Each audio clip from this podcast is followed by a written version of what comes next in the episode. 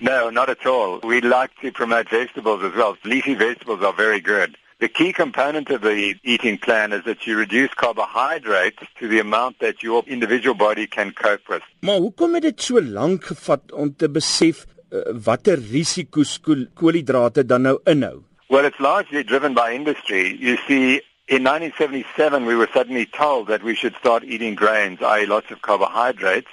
And for example, the 2013 South African guidelines we must make starchy foods the basis for all of our meals. But it starts in 1977, and then industry gets behind it. And what they discovered is if you take fat out of a diet, the food tastes like cardboard.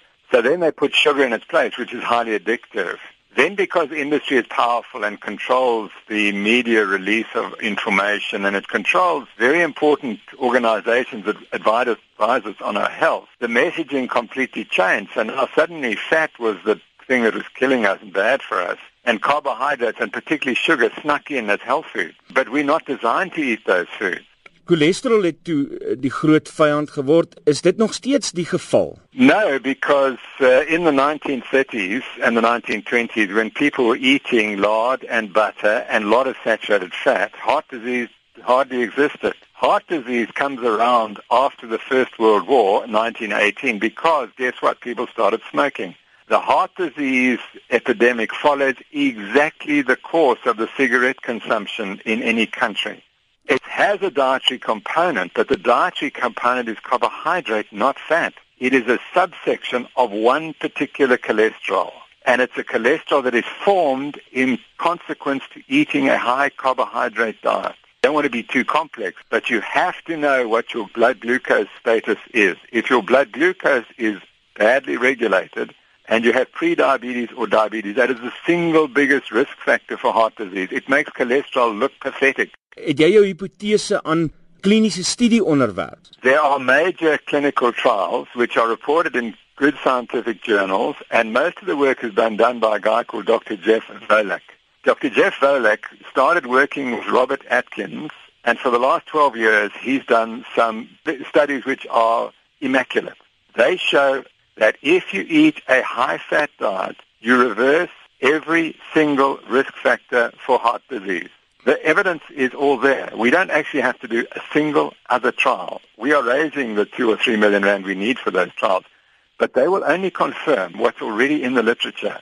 Is daar enige kliniese studie wat die teendeel van jou hipotese bewys? There's not. We we know now that there are a range of diseases which improve on this diet. It's not just heart disease. We know, for example, cancer is a carbohydrate-driven disease. The premier cancer scientist in the United States of America is on record as saying if you increase your fat intake, your cancer rate will not change one iota. If you increase your carbohydrate intake, your cancer rate will increase dramatically.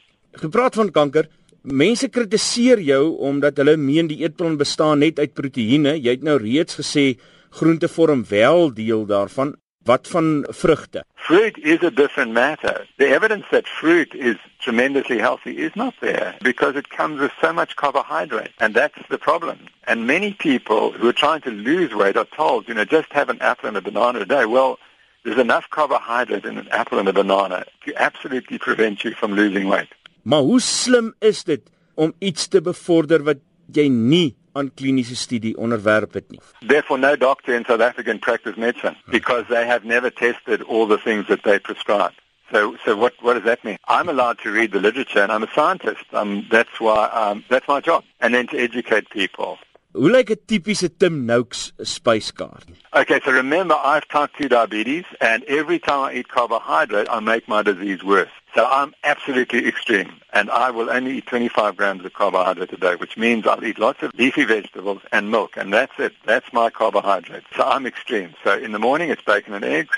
For breakfast, that will see me through till 4 o'clock in the afternoon, when I might have a piece of biltong and some nuts or and some cheese. And then for dinner, it will be fish, usually, and more vegetables. And that is all you need to eat. The thing I've discovered is humans can exist on very little food. We overeat dramatically.